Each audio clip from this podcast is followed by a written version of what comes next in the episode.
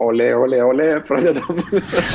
Džiunglių ir visur kitur. Tai sveiki visi, laba diena prisijungusiems ir klausantiems jau devintosios, arba kaip mes skaičiuojame, antrosios Čarlį tinklaladės prisiskraidėm. Dar kartą ačiū visiems, kurie klausot, rašot, komentuojat, klausėt. Iš tikrųjų labai malonu. Ačiū, kad jaučiamės ne vieni, jaučiamės reikalingi ir, ir tai iš tikrųjų įkvėpia. Na, o nesumeluosiu, pa, pasikartojęs ir, ir pakartojęs pagrindinius dalykus. Tai yra, prenumeruokite mūsų YouTube kanale, klausykitės ir prenumeruokite mūsų, spot, mūsų Spotify ir aišku visose kitose platformose. Apple, Android ir visa kita ten, kur jums patinka. Ir aišku, pamėkite mūsų Facebook paskyroje. Na, o šiandien, šiandien mūsų tinklalaidoje aptarkim, aptarkim keletą temų, Pirmiausia, pradėkim nuo nestandartiškai, nuo rubrikos Kur varom, kurioje mūsų bičiulis Justinas užėmė pagrindinį vaidmenį ir, ir jis gali papasakoti, kur jisai nuvarė nuo pat pačių, pačių 2021 pradžios. Labas ja. Justinai, labas Simonai, kur jūs? Sveiki, sveiki.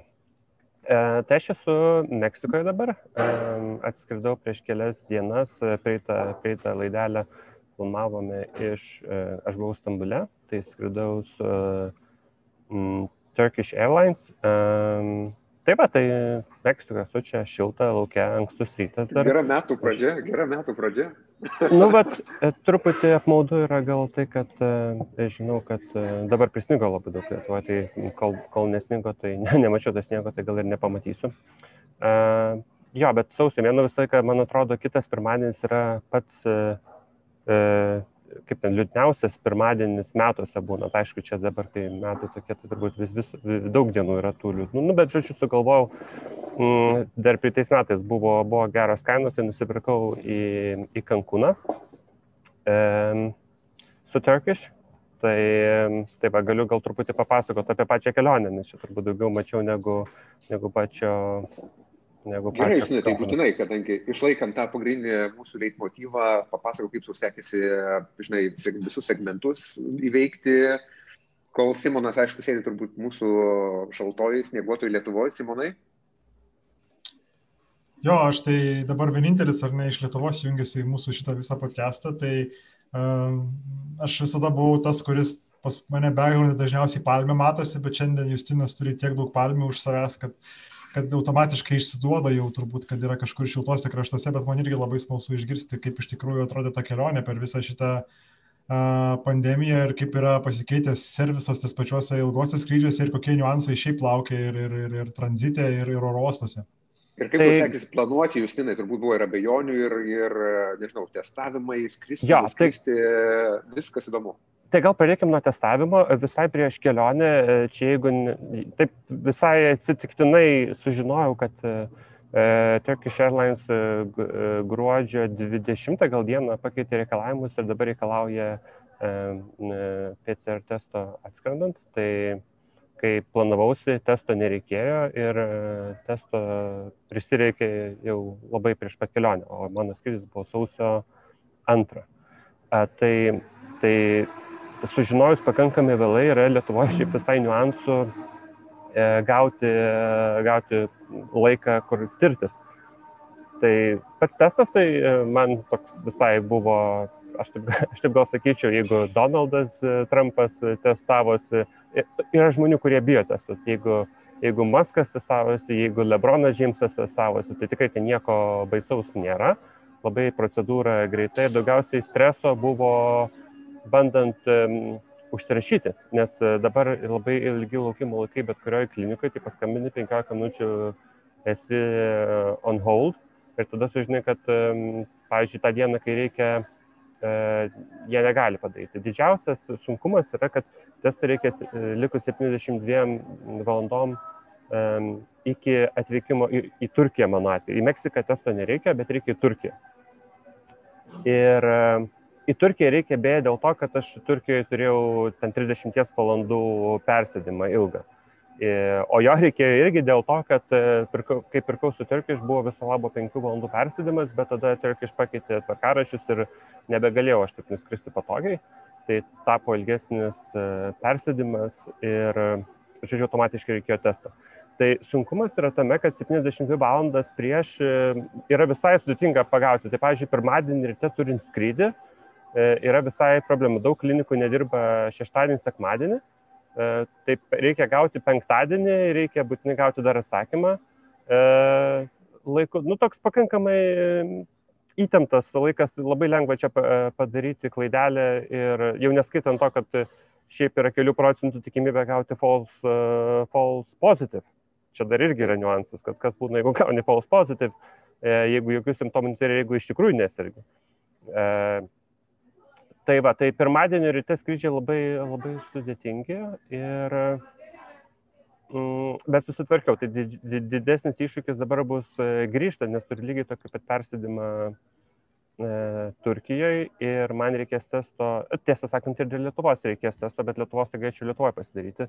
Tai testo reikės grįžtant e, darytis čia. Tai, irgi yra niuansų, neprisimenu, aš kurią dieną ten išskrendu, tai reikės bukintis, žinau, kad tarptautinė klinika turi savaitę į priekį eilę, nu, to, tokių yra planavimo, planavimo reikalų. Taip, tai žodžiu, tu papuoliai dar ir tą šventinį periodą, kai, kai reikia pasidaryti tam, tam tikrame valandų koridoriuje, šventės, darbo laikai ir panašiai. Tai čia tau šiek tiek pataikai. E, ja, bet, bet savaitgalis tokia... būtų lygiai tas pats, tiesą sakant, e, jeigu pirmadienį skrendi, šeštadienį, sekmadienį išeiginės ir viena klinika ten dirba, kuri ten jums virš šimto eurų, tai nu toks yra. Ir beje, Meksikoje mačiau testas 120-140 dolerių, tai toks skrid... Turint omeny, kad Lietuvoje ko gero reikės darytis dar vieną, tai čia tu, tie testai po 70 eurų, 120 dolerių, taip ta suma susideda. Ir jeigu ten 300 eurų išleidi, tai žiūri, žinai, po to, kad bilieto čia labai reikšminga dalis kaštų yra. Tai, o jeigu dar gauni, pavyzdžiui, teigiamą, tai reikia planuotis, kad dar vieną iš karto daraisi, ne? Tai dar. Nu, toksai va. Taip. Ir tada, kaip tau sekėsi, ką pamatai Vilniaus oro uoste, kaip tau sekėsi skristi pirmąjį segmentą iki Stambulo ir, ir tiesiog, tiesiog patirtis tavo. Um, Tai Turkish Airlines, aš sakyčiau, Vilnius, e, Stambulas, e, pats skrydis. E, gerai, Vilnius oro uostas šiaip atrodo, tai Vilnius oro uostas turi naują tvarką, kad negalima pakliūti į pastatą be bileto, tai automatiškai yra mažiau žmonių. Šiaip labai, labai tuščia, šiaip primena, turbūt kokią nors, žinot, būna kaip po pietų ten koks vienas skrydis per dvi valandas, tai primena tuščia šiaip Šiaip atrodo ramiai ir įprastai, aš tiesą sakant, Vilniaus oro uostą tai ne, man nepasirodė jokių e, niekaip kažkaip ypatingai. Visas, e, visas cirkas ir visas, e, visas įdomumas prasidėjo lėktuve Vilnius Stambulas, tai e, Turkish Airlines taiko saugumo priemonių turbūt daugiau negu mano stomatologas ir ne dėl to, kad mano stomatologas mažai taikytų, nu, ten iš tiesų yra labai įspūdingai kaip jie viską pateikė, ten jokio kontakto, visas servetėlės, kaukės. E, pa, labai paliko įspūdį ir e, visi žmonės su kaukiam e, sėdėjo, kiek mačiau, nu ten, jeigu ten vandenį geria, gal nusima, bet nužiauriai tvarkingai atrodė. Ir lietuviai be chaoso, ai, laipinimas irgi pagal nuo galinių eilių ir tada taip. O pilnas lėktuvas buvo keliaivių? Apipilnis, apipilnis. Um, tai Vilnius, Stambulas labai, taip, jaučiausi labai saugiai, jeigu taip, jeigu taip paėmus. Mm, Stambulė išbandžiau tą Turkish Airlines e, galimybę, kad kai yra ilgas e, persėdimas, gali pasinaudoti viešbučiu. Tai, nu, patirtis buvo irgi. E, šiaip atvykus bėda ir į Stambulą, irgi viskas labai tvarkingai, greitai. Daugelis beje parduotuvų irgi dirba pasų kontrolė labai greitai, sklandžiai patikrino ten tą PCR testą e, e, nuo, nuo koronos. Nu, tada e, viešbučio išeini ten, prieini prie informacijos centro, ten go and red right. Ir ten ateini ir žiūri, ten yra tas mm, tas Turkish Airlines toksai service deskas, tai jisai labai greitai ten suorganizavo viską viešbutį tikrai. Aš, aš truputį nerimavau, kad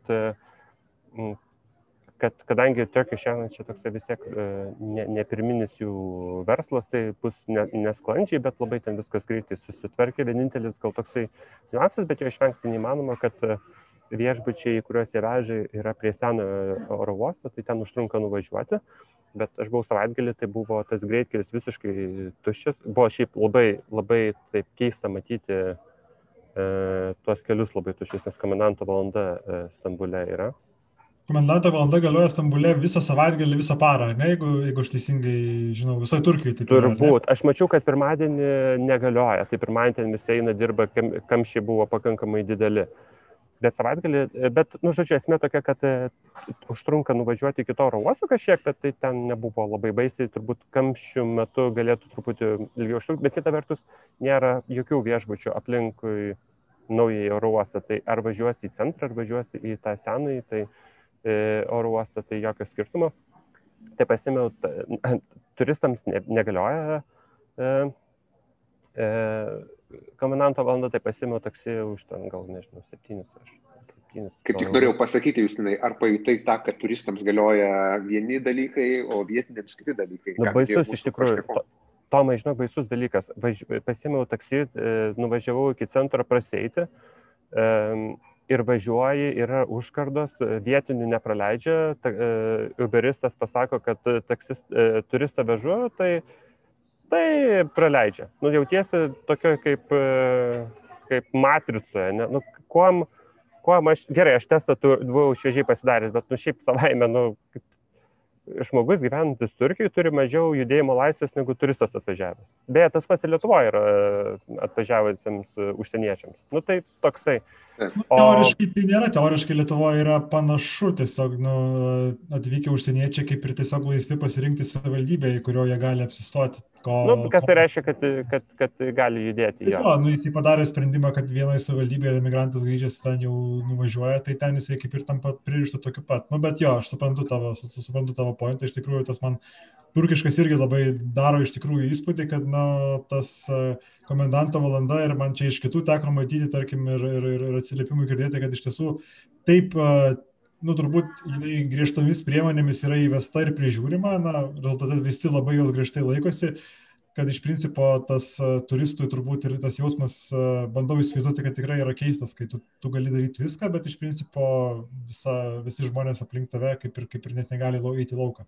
Jo, tai valandos komendanto savaitgaliais, bent jau mano žinom, tai jos yra nu visą dieną, tai nėra, kad ten tik tai naktį kažkada tenais e, kelias, kelias, kelias tamsos valandas. Jie gal gali išeiti ten aplink savo, šiaip tai gatvėse tų vietinių kažkiek vaikščia, bet taip, nu, nedaug iš tikrųjų. Tai, tai, šiaip tai tokio tylaus, va turbūt didžiausia įspūdį, kurį man paliko Stambulas, tai savo tyla. Tai Stambulo ten prie Hagos, Sofijos, e, prie Bosforo sąsiaurio, ten visą laiką būdavo laivai, triukšminga, ten taksi juda.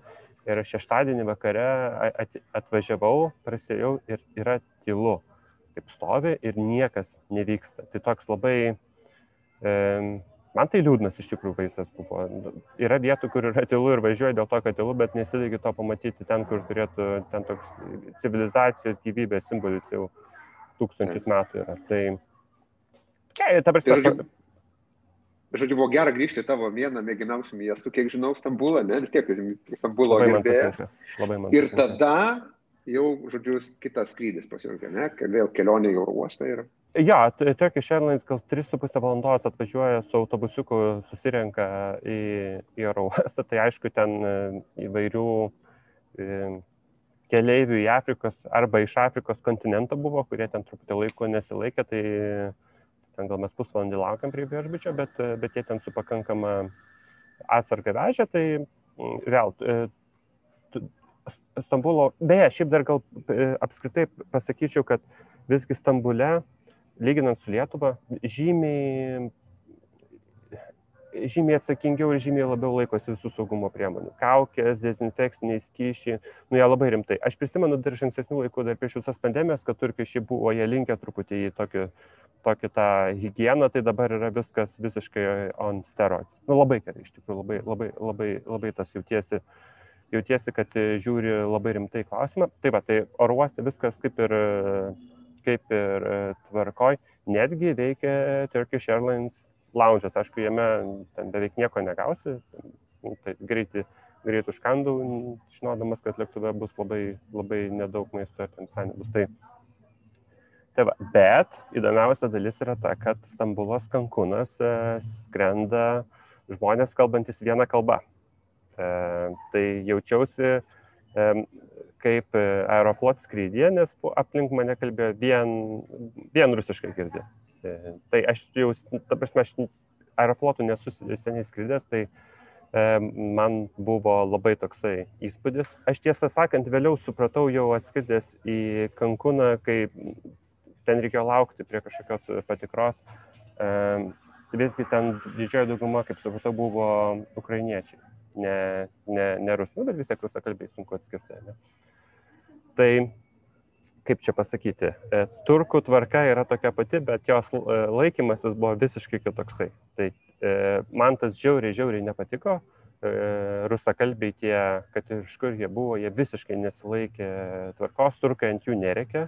Turbūt aeroflotas, nu, aerofloto e, cabin crew moka jų parėkti ir išsireikalauti, turkai tik tai prašo, tai turkai paprašo, jie užsideda kaukę, praeina, nusima. Nu, toks, kaip čia pavadinti, ar jie maištauja, ar jiems šiaip pratelio trūksta, ar kultūros trūksta, aš nežinau, kas ten, kas ten yra. Bet ta publika labai jau, labai jau nevykusi buvo. Ir man tas labai nepatiko, tu tiesiog. Aš kai ten pastoviai prašydavau e, įgulos, kad sakau, nu, tai jūs, jūs čia yra taisyklės, kurias jūs turite enforcinti, kad jie tas kaukės būtų užsidėję, tai jie taip palinksi, tada tie rusai man laužyti anglų kalbą sako, I had virus, I had virus, no problem. Nu, tai va tokia. Žodžiu, Paka. Tai kiek truko skrydis beje iš Stambulo į, į, į Kankūną? E, skrydis yra toksai trikampius, skrenda Stambulas, Mexico City, 14 valandų 45 minutės, man atrodo, tada pusantros valandos pasėdi lėktuve, niekas nevyksta, tiesiog išvalomas lėktuvas, tu sėdi savo kėdėjai. E, ir tada dar pusantros valandos į Kankūną. Tai man labai patiko. 14 kem 5 plus pusantros valandos čia gavosi virš 16 valandų, Turkish Airlines Wi-Fi neveikia, kai buvo man žemės, bet ore tai veikia puikiai. Tai man, aš turėjau labai, labai smagią patirtį šiuo požiūriu. O mes, nu, Turkish Airlines pasižymė to tokiu, nu, ne, ne, čia kaip pavadinti, to tokiu tarpiniu tarp soft ir, ir hard servisu, ten didelė maisto porcijom ir, ir, ir dažnų maitinimų ir ten visais gėrimais ir kitais normaliais laikais. Ar yra kažkas pakeista dabartiniai? Viskas. Labai, labai, labai, labai minimaliai. Viskas e, pakuotėse, kurias gali pats susidaryti, nu toks labai, e, aš taip sakyčiau, kad e, sunku gal ir truputį pateisinti, kodėl, pavyzdžiui, ten porcijos ar maistas suprastė dėl to, kad jis yra įpakuotas. Nu, bet, tarkim, čia. Bet jie tikrai labai daug deda dėmesio į dezinfekacijas, visas, nu, bet, bet, bet šio požiūriu jie turbūt tas visas pastangas, kur išleido, nu, kur maistas suprastėjo, tai kitoje vietoje pagerino. Tai nu, šiaip Turkish Airlines labai, labai aš jaučiausi e, saugiai ir nu, tikrai, ten tikrai buvo saugiau negu naiti ir būti maksimą. Ne? Tai, Taip, Na, šiaip, žinot, pasme, vienas dalykas yra, kad nu, netiek daug skrydžių, kurie vyksta iš Europos į Kankūną, ta prasme, nu, ar, ar kitą kažkokį Meksikos kurortą ir ten Turkiš yra vienas praktiškai iš, iš, iš vienintelių, tai turbūt tikėtina, kad ne tik tai, nu, e, kaip tavo įvardinai, kad daugiausia matyti lėktuve keliaiviai buvo rusakalbiai ir iš Rusijos ir iš Ukrainos, bet, bet, bet, bet ir daugelį, daugam iš Europos, ar ne, tas, tas skrydis tokie kaip ir vieninteliai vartai tenais dabar nukakti būtent šitom pandeminiu laikotarpiu. Tai kad man atrodo KLM, Air France ir Lufthansa e, skrenda, um, o daugiau tai aš nežinau. Tikiuosi, kaip ir daugelį polisinių krypčių, turbūt tie skrydžiai yra ten vieną arba du kartus per savaitę. Tai, tai, tai tas turbūt e, nu, nėra, kad pasirinkimas labai, labai, labai didelis, didelis būtų, nes man teko girdėti ir iš kitų žmonių iš aplinkos, kad nu, nemažai kas, kas planuoja Meksiką keliauti, tai būtent su Turkish Airlines šiais metais uh, pasirinka tą kelionę. Nors kaip tu pats ir minėjai, kad iš principo tas skrydis iš uh, Stambulo į Kankūną, jisai gaunasi nu, labai labai ilgas, nu, jeigu valandų prasme praleisiu skaičiuoti, kad reikia skristi pirmiausia į Meksiką, ten sustojimas, jisai dideliem lėktuvам nėra toksai trumpas. Ir paskui dar reikia, kaip pasakyti, teoriškai skristi atgal į, į, į, vėl į šiuo atveju rytus link, link, link, link Kankūno. Ir kaip supratau iš tavo irgi feedbacko, kad lėktuvas irgi buvo visiškai, visiškai pilnas visiškai buvo pilnas, buvo vos kelios laisvos vietos, e, tai pasijusti tokiam, jo. Lietuvių neteko sutikti. Lietuvių? Taip. Ne, negirdėjau. Čia vietoj kelis girdėjau Tulume, tai Ne, nu lėktuve ten, žinokit, ten buvo toks. toks vieni vartai, vieni vartai. Ten buvo visiškai vieni vartai. Aš po to žiūrėjau, kas iš, kai kankūnė atskrendi, išlipi, ten lieka keli žmonės sėdėti, tai, tai ten gal vienas iš dešimt tie me meksikonai, tai buvo labai įspūdinga, kai rusai, kurie visiškai nesilaiko jokių priemonių ir šalia sėdi meksikonai, kurie su um, FPP3 kaukiam, apsauginiais sakiniais sėdi meksikiečiai žymiai rimčiau ir žymiai pagarbiau žiūri šitą reikalą. Aš manau, kad čia, e, kaip mes kalbėjom su e, prie to laikos Augustinu, nu, viskas yra tikimybės, e, nu, bet tiesiog dar yra ir, ir, ir pagarbos klausimas. Nu, patinka, nepatinka, bet sėdi šalia keliaiviai. Dabar pačioj Meksikoje mes jau su, vat, prieš du epizodus berot su, su Velina kalbėjom, kaip atrodo dabar pačioj Meksikoje, ar yra kažkokios kažkokie yra ribojimai, su kuriais reikia susidurti, ar tikrai yra mažiau turistų jaučiamai ir ar visos paslaugos, kurių kaip turistų gali reikėti, jos, jos veikia ir dirba. Labai primena iš tikrųjų um, Lietuvą vasarą. Tai aptarnaujant paslaugos tai veikia iš esmės visos, uh, bet žinau, kad yra šviesoforų principas taikomas uh, Meksikoje, tai man atrodo, Meksiko City yra daugiau apribojimų ir čia buvo skaičiau truputį apie jų vakcinas, nes šią savaitę, man pradeda skiepyti. Tai labai ten Mexico City, pana, nu, toks rimtas lockdownas yra. Tulume, kur aš esu, tai tvarka labiau yra kaip e, Lietuvoje vasarą, aptarnaujantis personalas su kaukiam, parduotuvėse visur su, su kaukiam visi. E, aš net nežinau, čia yra enforce, bet nu, tiesiog kažkaip eini ir, ir užsidedi tą kaukę. E, prie jūros, e, nu, pavyzdžiui, be kaukių, bet žmonės e, eina į tualetą, užsideda kaukę, nes tualetas yra uždara patalpa. Tai, tai ten būna su, su ma, maudimkė ir užsideda kaukę, tai atrodo keistai, bet žinai, kad eina į tualetą. Nu, tai toks. Šiaip, nu, tai pakankamai, jeigu Lietuvoje vasara netrukdo, tai čia labai, labai panašu. O turistai, kurie, kurie, kurie dabar yra Meksikoje, nes ten turbūt dažniausiai visiškai dominuoja amerikiečiai, ar ne turistai ta, tose jų, jų kurortuose. Ar ir dabar tas pats, ar, ar, ar, galima matyti, kad ir kitų turistų, ir apskaitai, ar daug turistų šiuo metu tenais? Turistų šiaip yra daug, aš kažkur mačiau, kad 60-70 procentų nuo tipinio strauto dabar yra, tai šiaip vak, dieną vakare visuose maitinimo įstaigose yra taip um, užpildyta. Um, Pagrindę aš girdžiu, jo, gal sakyčiau, girdžiu amerikiečius, bet girdžiu ir meks, meks, turbūt meksikiečius, ispaniškai kalbančius. Tai gali būti meksikiečiai, gali būti ispanai, gali būti, ten nežinau, kokie brazilai, kurie gal irgi truputį geriau ispaniškai kalba negu, negu amerikiečiai, nes amerikiečiai tai, tai taip kaip ir aš, tiek pat nekalba. Um, rusų ir rytų europiečių irgi truputį girdėjau, bet jie labai taip ne Turkija. Stambulė tai buvo mieste labai įspūdinga, nes buvo vien, vien rusakalbiai. Tai, tai čia labai taip, taip subalansuotai ir taip, nu, sakyčiau, Turbūt dabar tam tikrą prasme tas naujametinis laikas turbūt visada jisai būna paskatina tą vietinį turizmą ir turbūt nemažai turbūt tų pačių Meksikos gyventojų iš sostinės, iš didmešių dabar tas laikas, kada jie galbūt atvyksta kažkur tai praleisti. Jo, panašu, panašu ir šiaip, jeigu, jeigu gyveni e, Meksike ir, ir į darbą eiti negali, tai iš tikrųjų nė, nėra bloga mintis e, atvažiuoti prie jūros, tai turbūt kažkas ir savo, nutolumas yra kaip aš įsivaizduoju, kažkas tarp Nidos ir Balio toksai, va, sumaišius. Jos du turbūt labiau, nu, aišku, turbūt labiau gal Balis, bet aš Balį nebuvau, tai ne, nežinau, sunku palyginti, bet tokia, šiaip labai toks matosi segmentas. Aš kiek suprantu, e, tolumas yra, e, nutolumas yra labiau Balis, o Kankūnas yra labiau Antalija. Tai, bet nežinau, pabandysiu kažkurį dieną gal nuvažiuoti į, į Kankūną pasidaryti, kaip ten toj viešbučių zonoje yra, nes ten nu, kitoje laidoje papasakosiu. Būtinai, nes įdomus toks savo palyginimas, nes iš tikrųjų toks e, tulumas tai ir, ir kontrastinga vieta, gali rasti ir visiškai ten, visiškai nekokių vaizdų ir, ir, ir, ir tų pačių gerų, ten, nežinau, branšų vietų ar ten retrytų vietų, ne, kur, kur, kur vyksta įdomesni dalykai. Tai, Jeigu norėsit, aš galėsiu, aš rašausi dabar vaikščiodamas telefone, rašausi, gal pavyks surinkti šimtą, šimtą punktų, kuo Miamis geriau už, už Tulumą yra. Tai, e, Nepaisant to, kad čia nėra, nėra blogai, ta prasme tikrai, tikrai vietų pavalgyti yra. E, ir, ta prasme, aš galėčiau įvardinti, nu, labai fainas tai, kad, kad, pavyzdžiui, yra paplūdimys ir yra palmės, kurios yra prie pat paplūdimio, ko, pavyzdžiui, nu, Lietuva aišku net neturim, bet daug kur, kur yra paplūdimiai, tu realiai neturi, nes didelis paplūdimys, tu, tas toks vaizdas visai kitoks yra. Čia yra palmės, palmės baigės truputį smėlio ir, ir tas Karibų jūra. Dar vienas toksai gal paskutinis klausimas mūsų klausytojams, galbūt bus įdomu, e, tavo vertinimų kainų lygis, e, būtent e, nu, tavo atveju Tulumo kurorte, galbūt mhm. kiti Meksikos kurortai kažkiek tai skiriasi kainų lygių.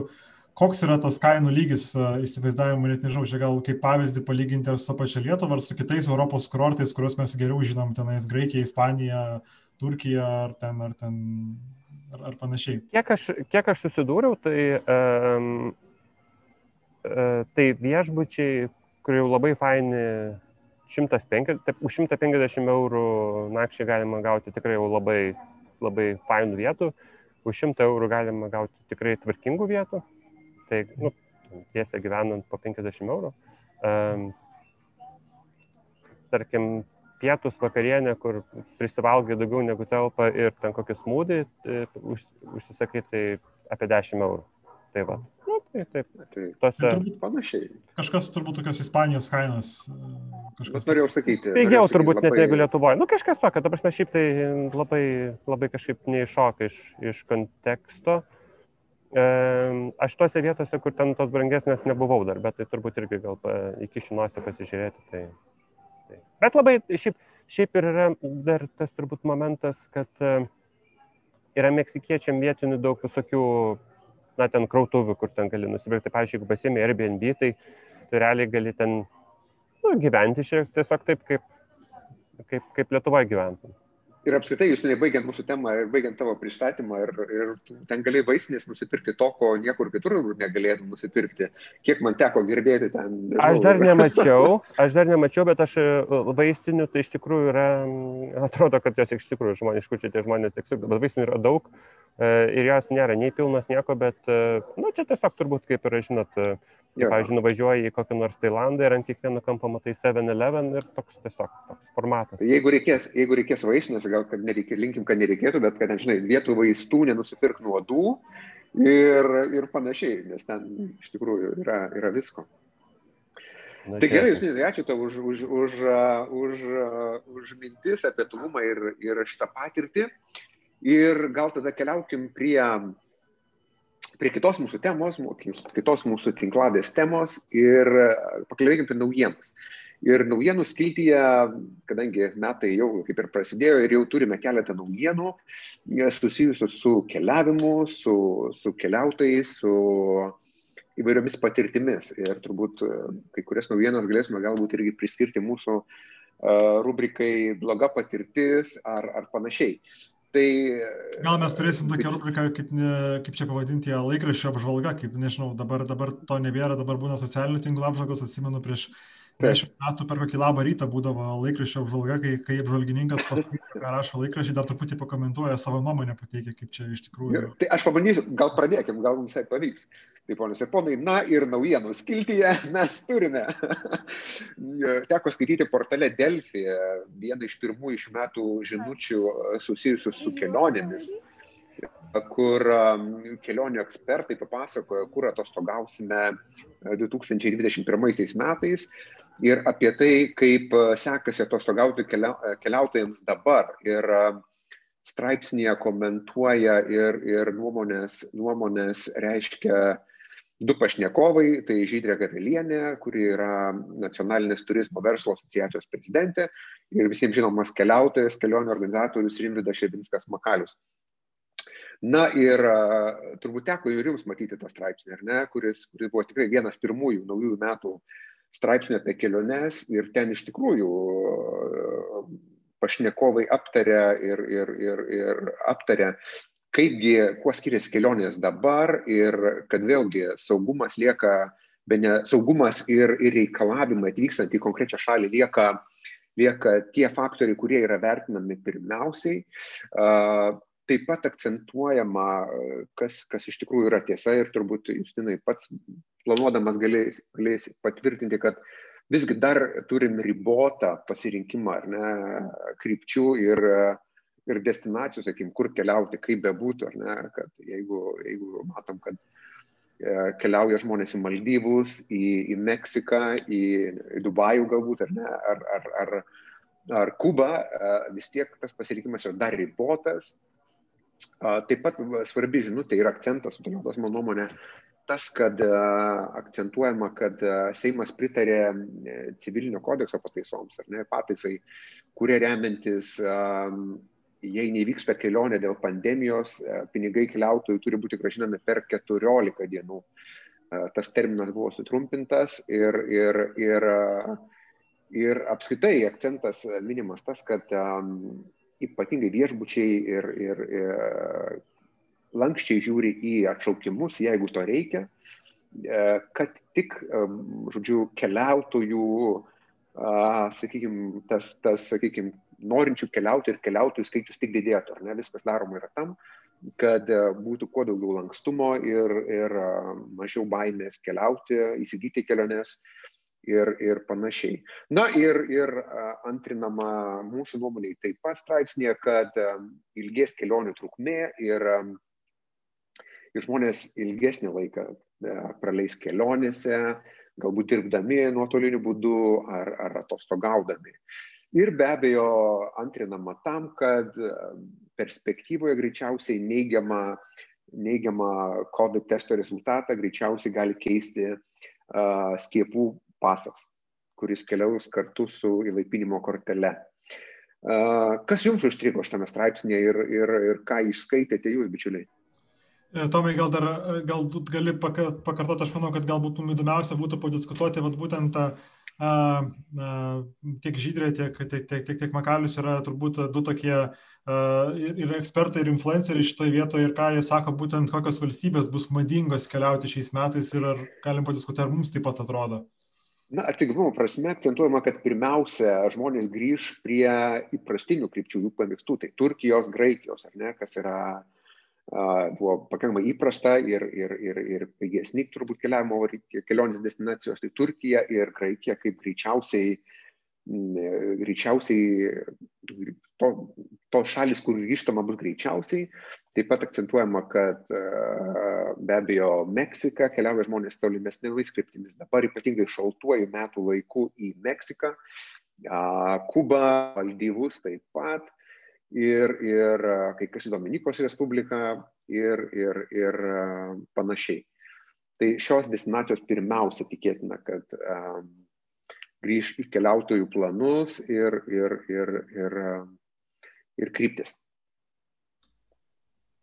Jo, tai uh, aš tai toj vietoje taip turbūt norėčiau irgi, turbūt mes galim pareflektuoti turbūt dviem kampais. Vienas, ką mes kalbėjom prie tam epizodė, kad uh, man atrodo, kad, na, iš tiesų turbūt na, turizmo sektoriaus atstovai labai natūraliai ar ne, a, taip sakykime, ar sąmoningai, ar nesąmoningai skatina ar ne visuomenę a, jaustis ir elgtis taip, tarsi tai būtų įprastiniai metai, ar ne, kad kryptis tos pačios ir planavimas iš anksto labai, labai toks pat. Man atrodo, kad turbūt nu, realybė bus kitokia šiais metais tuom kampu, kad nu, mes prie tam epizodų irgi Augustinas labai gerai užakcentavo, man atrodo, kad tas kelionių planavimas negalim tikėtis, kad jisai bus toks ankstyvas, kaip jisai buvo anksčiau.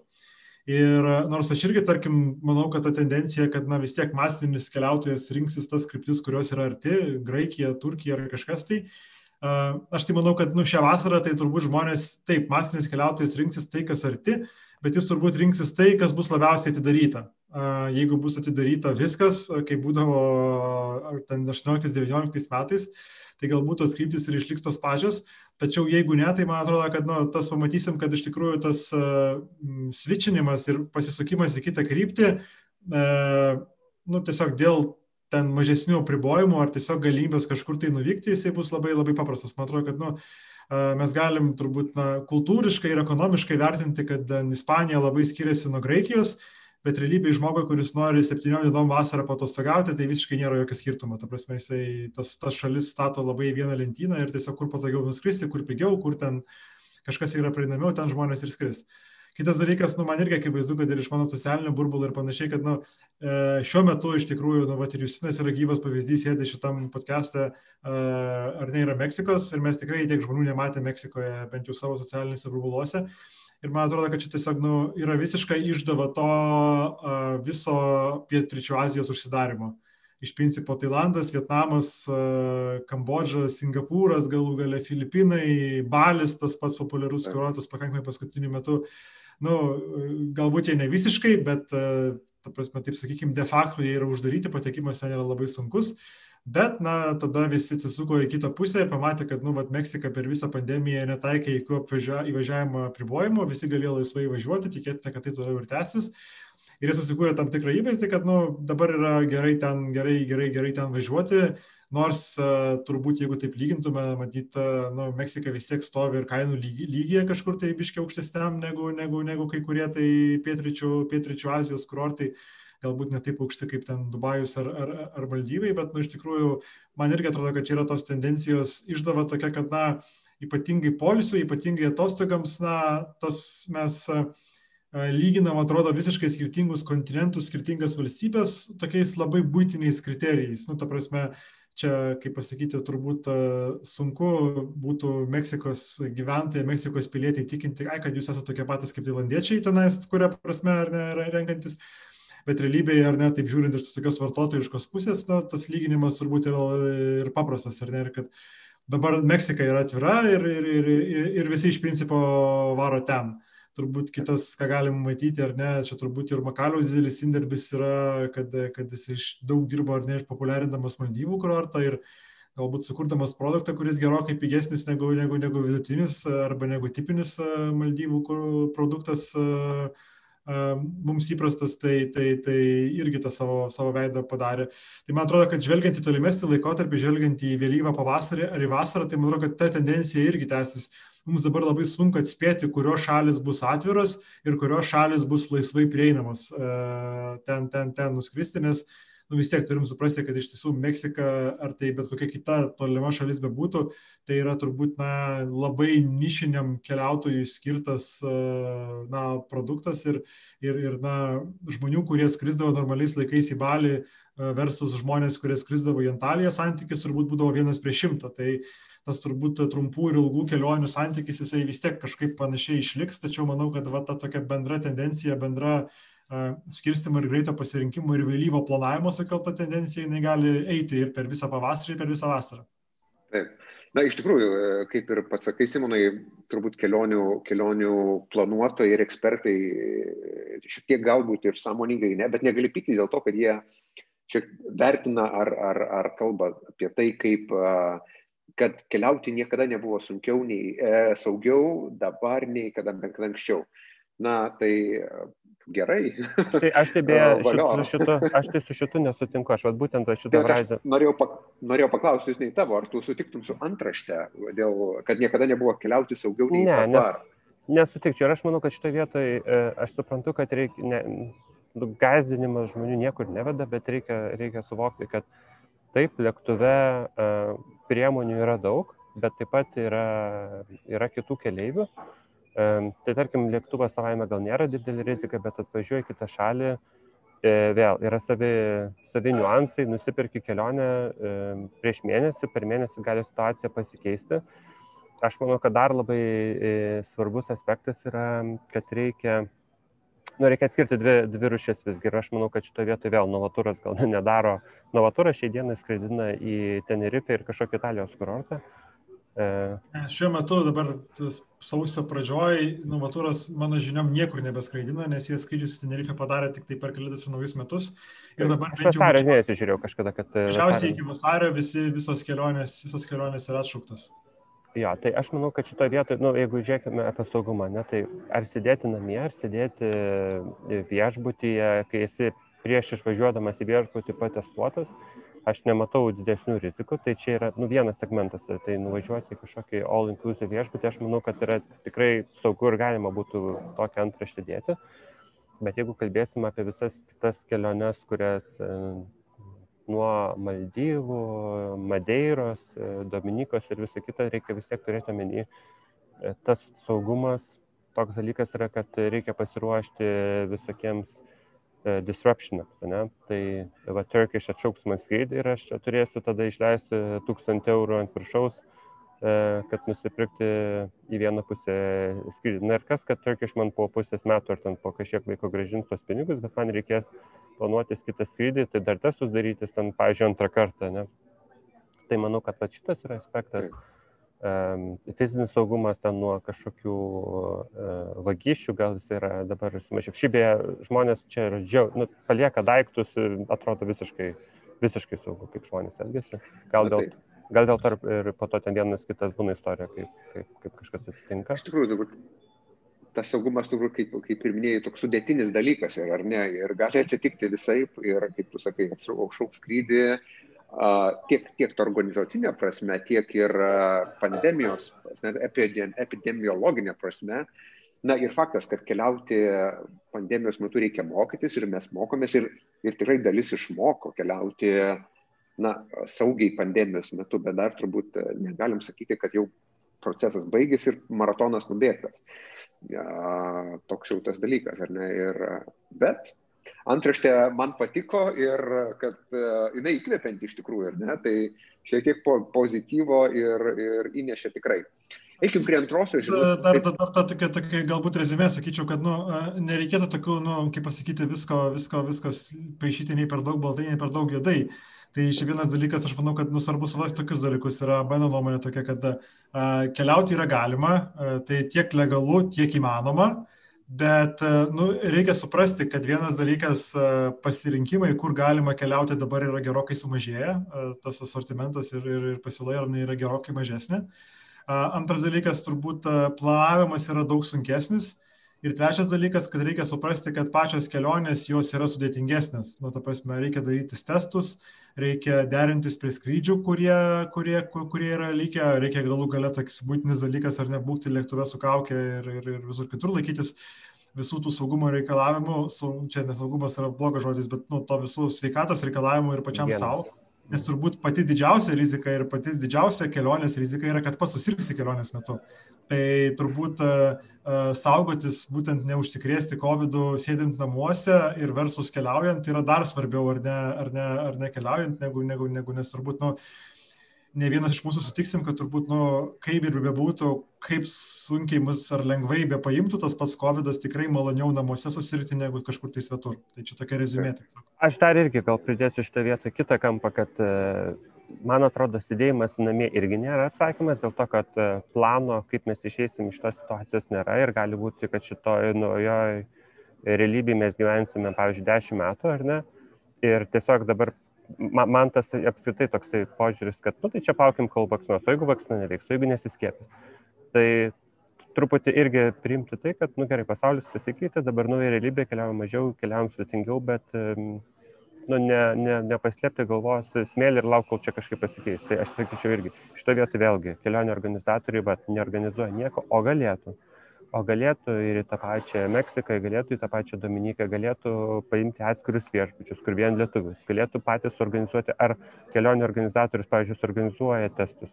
Na, nu, tai va tokių va niuansų yra, kur, kur man atrodo, jie, galė, nu, jie laukia, kol viskas grįš į, į, į taip, kaip buvo anksčiau, bet man atrodo, kad to nebus ir tiesiog reikia, reikia primti, kad dabar šitom taisyklėm mes gyvensim dar čia ilgai.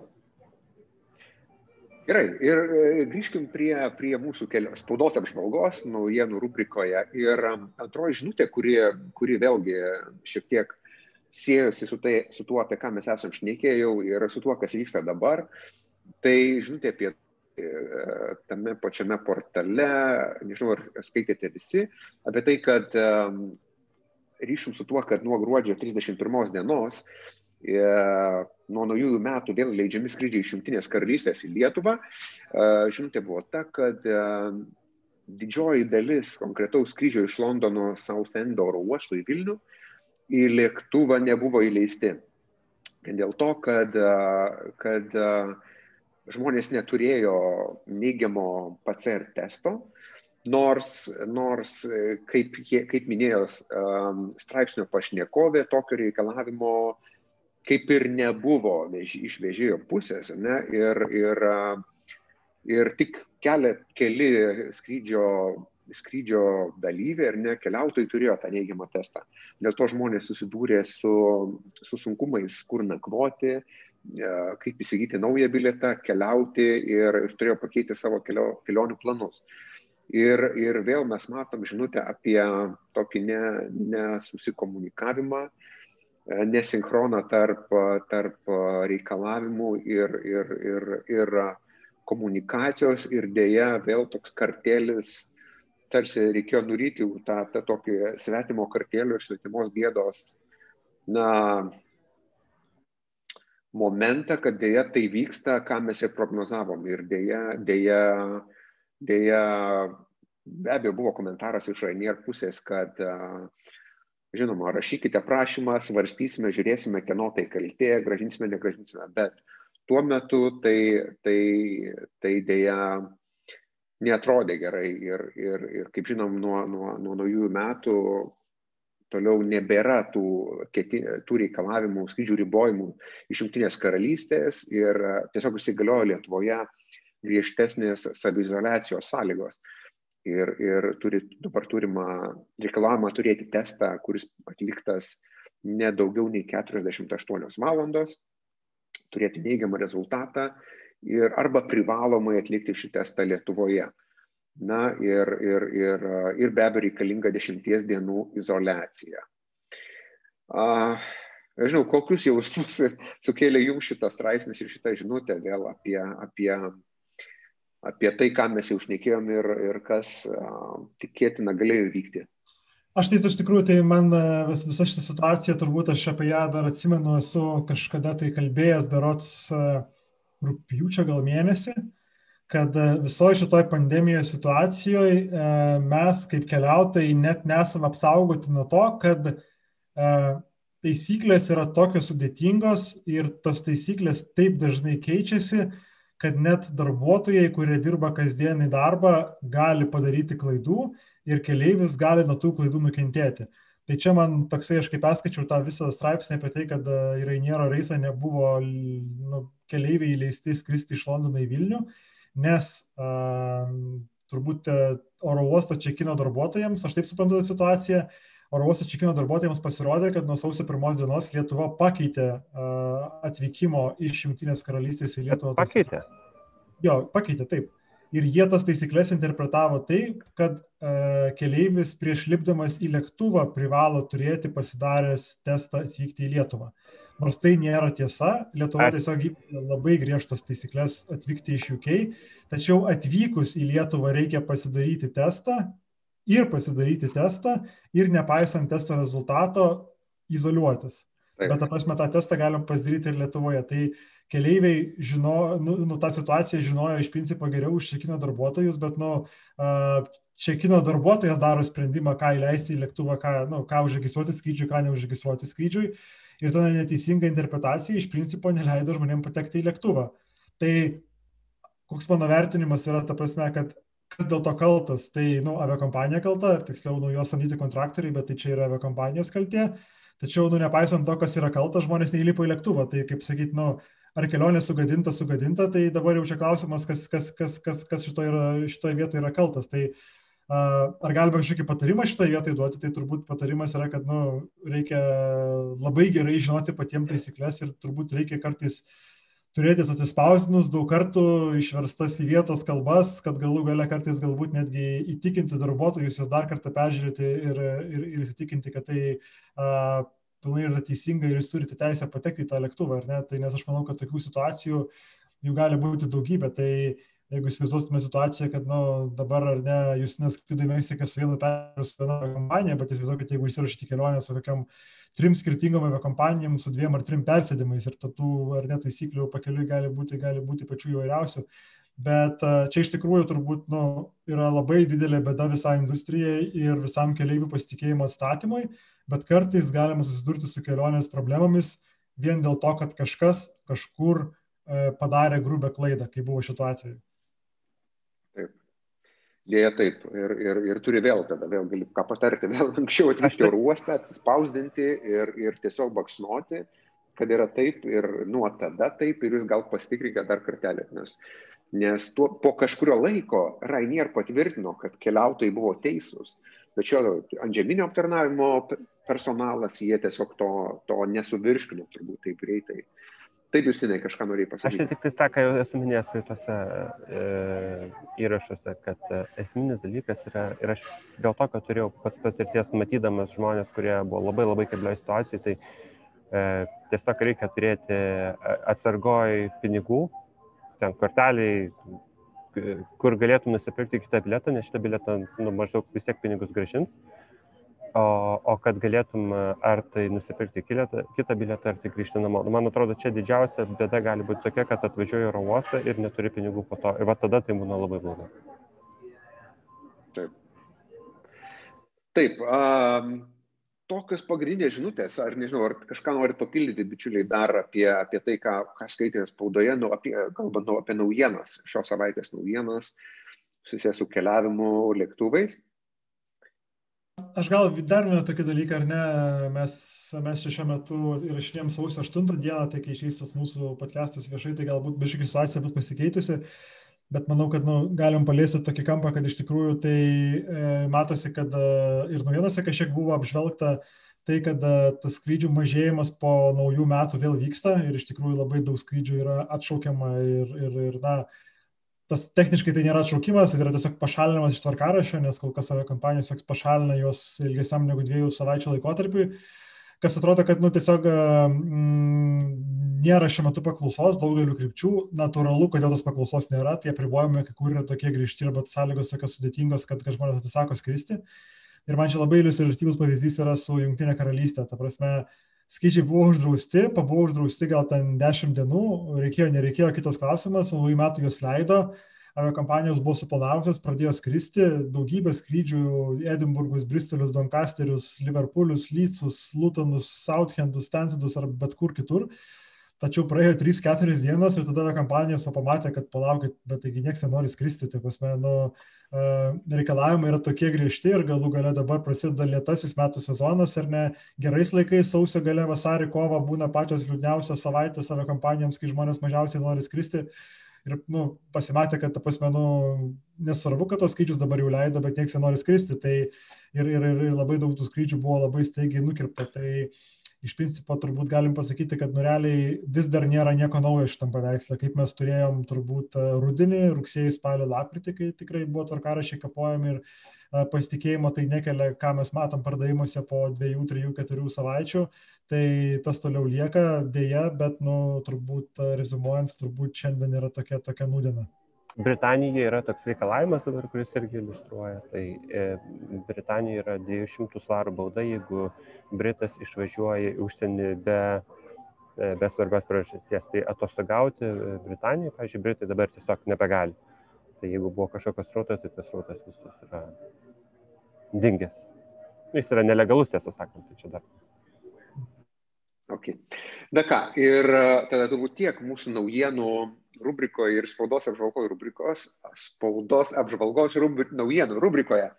Na ir eikim prie didžiosios temos, tradiciškai mes turim kiekvienoje tinklalai didžiąją temą ir uh, ją leiskite pradėti, kaip sako, back to basics ne, ir grįžkim į Vilnių ir, ir paklauskim savęs, galbūt ne visai retoriškai, tai ar reikia ilginti tupimo kilimo taką Vilniaus oro uoste. Uh, skaitėm naujienų, irgi nėra baigtinė tema, ar ne, kalbam kalba apie rekonstrukcijas, rekonstrukcijos darbus oro uoste ir, ir turbūt ne vienam kyla ta mintis, susijusi su ilgesniu, galimai ilgesniu kilimo tupimo taku Vilniaus oro uoste. Ir tai ar reikėtų ilgesnio ir ką tai duotų, e, o gal ne, ir, ir kaip jums atrodo, bičiuliai, nes tema yra nebaigtinė Ir norėjau sakyti amžina kaip, nežinau kas. Ir, ir kaip svajonės galbūt. Tai gal būtent, Tomai, ta prasme, man atrodo, kad čia toksime, iš vienos pusės tai yra vienas didžiausių pačių su Lietuvos oro uostais ir su Vilniaus oro uostu konkrečiai susijusių mitų. Ir tas klausimas turbūt yra gajus, aš nežinau, anksčiau negu aš pradėjau domėtis aviaciją. Ta prasme, jis buvo prieš 20 metų, prieš 15, prieš 10, prieš 5, jis yra vis dar dabar.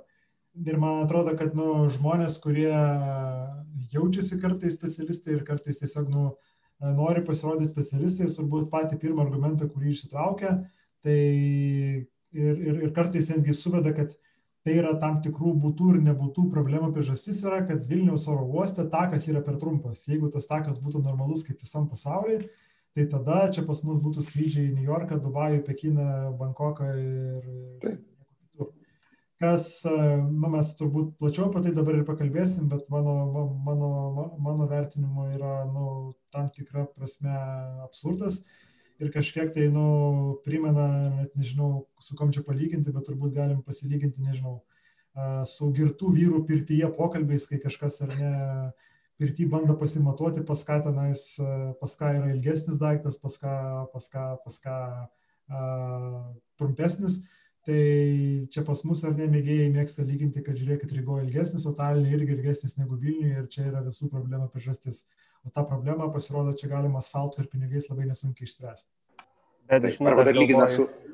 Taip, žinai, aš tiesiog, arba dar lygina su Šiauliais arba Kaunu, ar ne? Ir vat, ten yra, o Vilniuje jisai trumpesnis ir vat, neturim kažko. Ne? Dar blogiau Taip. turbūt, kad kartais naudojama kaip argumentas, ta prasme, kad reikia vat, būtent viską perkelti į Kauną vien dėl to, kad ten takas ilgesnis. Nu, kas turbūt ir diskusijos vertas klausimas.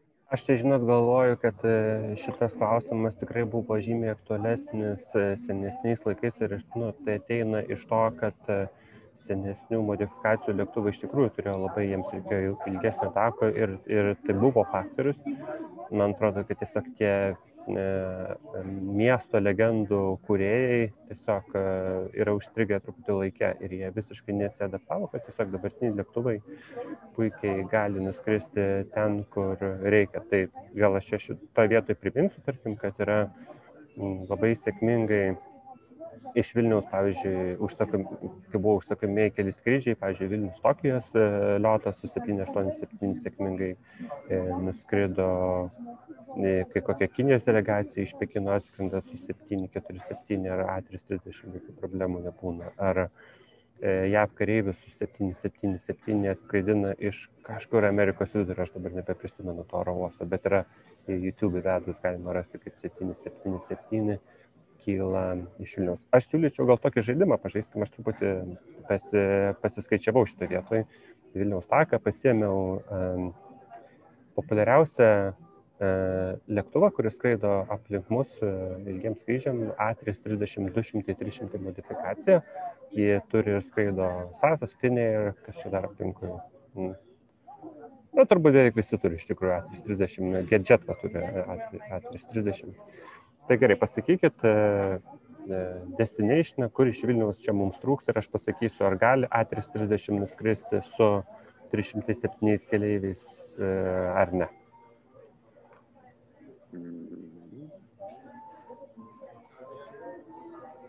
Turiu minti, kur, kur lietuviai norėtų skristi, ar ne? Ir kur čia... Mes čia kažkokią kryptį, kur čia mums to tako trūksta, ne? Tai pasakykit, pasakykit,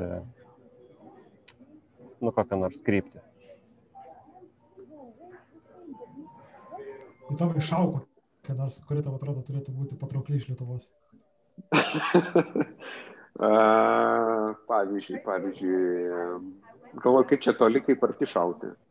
Bet kad, kad, kad, kad tas kažkokia tokia realistiška būtų ten, nu, ta prasme, į Sidnėjų, tai vis niek, niek šito ne, ne, ne. nešneka.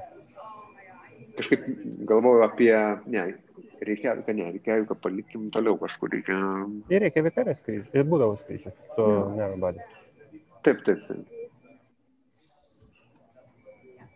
Simonai, turi kokią mintį, ar kur čia toliau? Aš gal, ta prasme, turbūt labiau, e, jeigu iš tos e, maršrutų planavimo pusės, tai aš tai taip labiau turbūt vėlgi tiesiai per tos skaičius pažiūrėsiu, ar ne? Iš tų turimų destinacijų, ar ne, tai, tai, tai iš, Liet, iš Lietuvos, ar ne, kur yra srautas, tai yra Junktinės Amerikos valstijas. Ir bent jau paskutiniai duomenys, kuriuos man teko matyti, tai aišku, prieš pandeminiai duomenys, tais vadinamais normaliais laikais, ta prasme, per metus apie 120 tūkstančių žmonių keliauja tarp, tarp, tarp Lietuvos ir Junktinių Amerikos valstijų. Kas šiaip skamba kaip labai didelis skaičius, ar ne, nu, ta prasme, 120 tūkstančių žmonių, čia yra daugiau žmonių, negu gyvena šiauliuose, tai kitaip tariant, visi, visi, visi šiauliai kartą per metus ar ne nukeliauja į Ameriką. Ir turbūt dėkinga ta prasme yra tai, kad, nu, tam tikrą prasme dėkinga yra tai, kad, nu, tos populiariausios dvi kryptis Junktinė Amerikos valstijų pusėje yra, yra rytiniai pakrantė. Tai yra dvi labai panašios, iš tikrųjų tai prestižo prasme visi šauna pirmiausia turbūt, kad į New Yorką, nes mums tai reikia skrydžių į New Yorką, bet statistiškai tenais labai nežymiai, bet dažniausiai Čikaga yra populiaresnė kryptis iš, iš, iš, iš Lietuvos, ten nedidelis skirtumas, bet ten tiek New Yorkas, tiek Čikaga ten sviruoja po 25, po 30 tūkstančių keleivių kiekvienais metais, kiekvienais metais tomis, tomis, tomis, kryptimis, tomis kryptimis skrenda.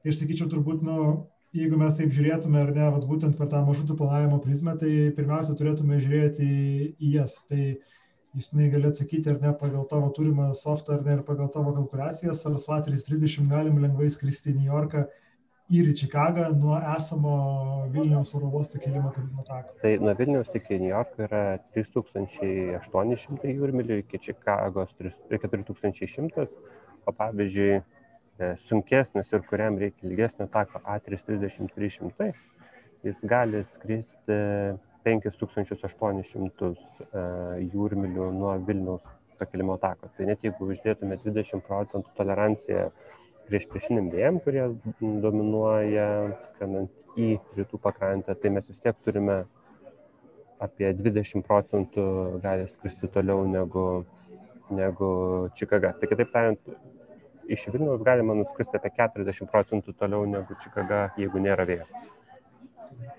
Dar gal kokių turit? Aš čia sakyčiau, kad turbūt nu, galim tokį kampą ar ne visiškai paliesti, kad nu, realiai tai aš esu ne iš daug girdėjęs, ar ne, kad pasakai, kad, nu, pažiūrėkit, Vilniuje yra galima YouTube susirasti, yra skrydis 747 daug kartų įvairiais aplinkybėm. Ir, ir nemažai irgi, ta prasme, žmonių ištraukia argumentą, ai, bet čia vieną kartą ir skrido nepilnais bakais, ten nusileido, neskrido labai toli ir panašiai. Tai man atrodo, kad toksai turbūt labiausiai toksai praktinis argumentas, kodėl iš tikrųjų tako pajėgumai yra visiškai pakankami, tai yra vykę skrydžiai 767 į Madagaskarą. Tai o Madagaskaras beras yra gerokai toliau negu, negu, negu Čikaga ir negu New Yorkas, skanant tą pusę. Nes e, vėlgi, jeigu grįžtam prie tų pačių maršrutų planavimo pusės, tai nu, turbūt tokie kiti, kiti, kiti galimi kandidatai, ar ne, kur kažkada tai galėtų atsirasti skrydžiai iš Lietuvos arba konkrečiai Vilnius. Tai turbūt būtų kažkoksai Bankokas, galbūt arba, arba, arba Pekinas Azijos pusėje, nes kadangi Kinija turbūt nu visom prasmėm stipriai, stipriai, stipriai auganti rinka. Dažnai Dubajus. Madagaskaras beje yra 4200 jūrmilių, tai yra 200 jūrmilių toliau negu Čikaga, tai be problemų ten skraidė. Tomai minėjai, kokius minėjai, Bankoką ir Pekiną. Dubajų? A, Dubajų. Oi, Dubajus tai čia iš viso ašaros, 2200 jūrmilių, tai čia galima nuskristi pirmin, atgal. Nu, man atrodo, kad nusileis negalėtų su tokio svorio, bet šiaip iš principo galėtų nuskristi į Dubajų ir grįžti nepasipildę skūro.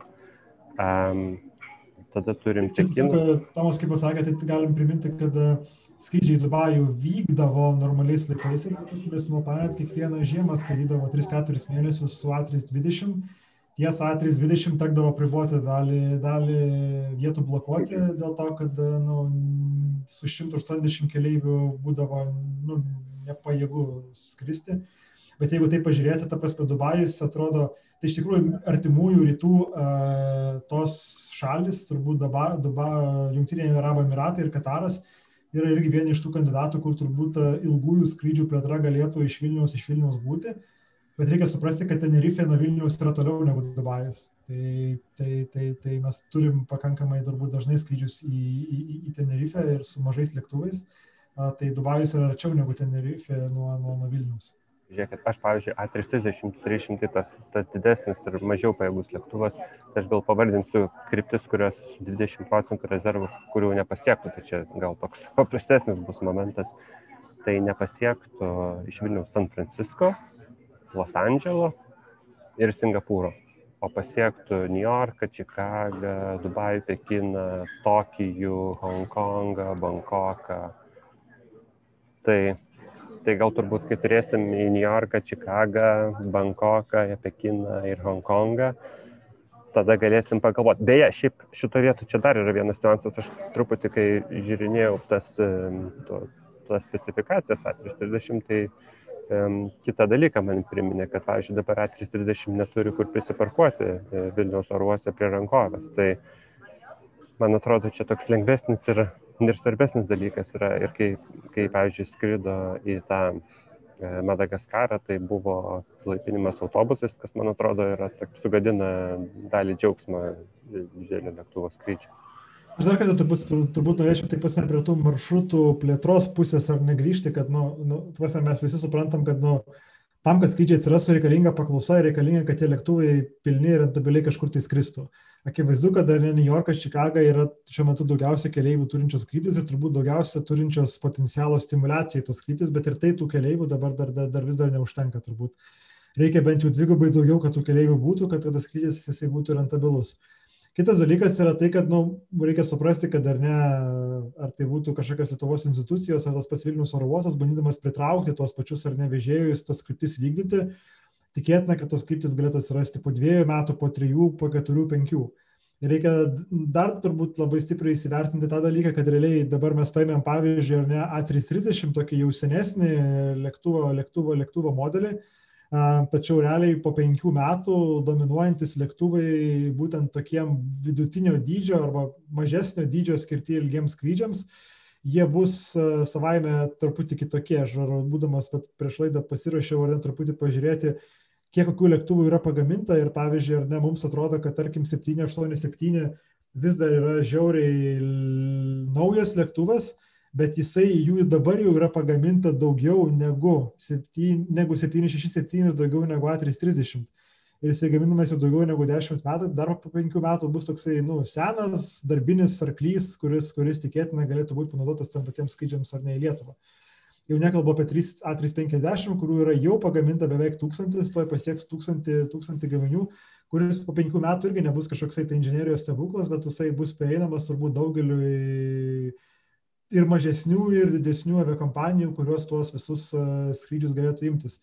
Ir realiai tai nu, tie visi lėktuvai yra efektyvesni už tą patį A330, dabar yra A330 Neo konfiguracija, kuri iš principo yra tas pats lėktuvas, tiesiog mažiau kūro valgantis uh, varikliai, kurie iš principo leidžia tam pačiam lėktuvui tiesiog nuskristi toliau. Ir turbūt, kaip reis duomenys, turbūt galėsime matyti, kad galbūt netgi ir utopiškai San Franciską būtų galima pasiekti iš Vilniaus to pačiu lėktuvu. Uh, Bet dar toliau eidamas ar ne su savo monologu, dar turbūt norėčiau prie, prie, prie, prieiti prie dar vieno kampo, turbūt man atrodo, kad kur yra turbūt esminis galimas potencialus proveržis tai pačiai ilgų skrydžių plėtrai iš Lietuvos, tai yra mažų lėktuvų panaudojimas. Mes esame atskira laidoje kalbėję apie long haul narrow body, lėktuvų panaudojimas tiems patiems ilgiesiams skrydžiams.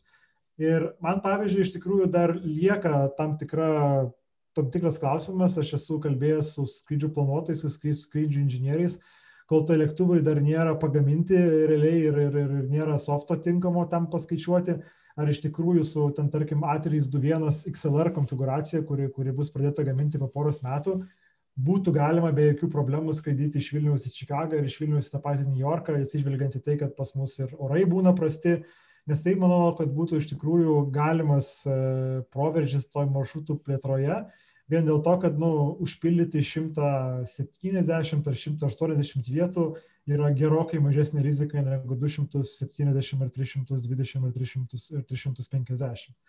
Tai man atrodo, kad va čia šitoje vietoje bus turbūt tam tikras proveržis galimas ir, ir, ir, ir, ir man atrodo, kad nu, rezumuoti galim, kad nu, tikrai ne vienam iš tų lėktuvų tipo uh, esamas Vilniaus oro uosto kilimo ir tupimo takas nėra problema pasiekti tas destinacijas, kurios suvokiamai, suvokiamai yra realios kaip galimi kandidatai vidutinių laikotarpių atsirasti iš Lietuvos. Taip sakant, nereikia pykti ant mūsų seno gero ir, ir, ir esamo dabar tupimo kilimo tako Vilniaus oro uoste. Na ką, aš manau, kad naudojam savo, išnaudojam savo limitą šios tinklalaidės, tai dar kartą sakom, ačiū visiems, kas jos klausėsi. Justinai, tau gero laiko kelionė, gerų įspūdžių ir pažiūrėsim, kur ir iš kur pasijungsi kitos tinklalaidės metu. Na ir kaip visada sakom, klausykitės ir prenumeruokite mūsų YouTube kanale, klausykitės mūsų Spotify, be abejo ir kitose Apple, Android platformose, ne? ten, kur esam, esam visur. Na, o linkim, kaip visada, likit sveiki ir likit kartu su prisiskraidėm. Sėkmės visiems. Likit sveiki. Viso.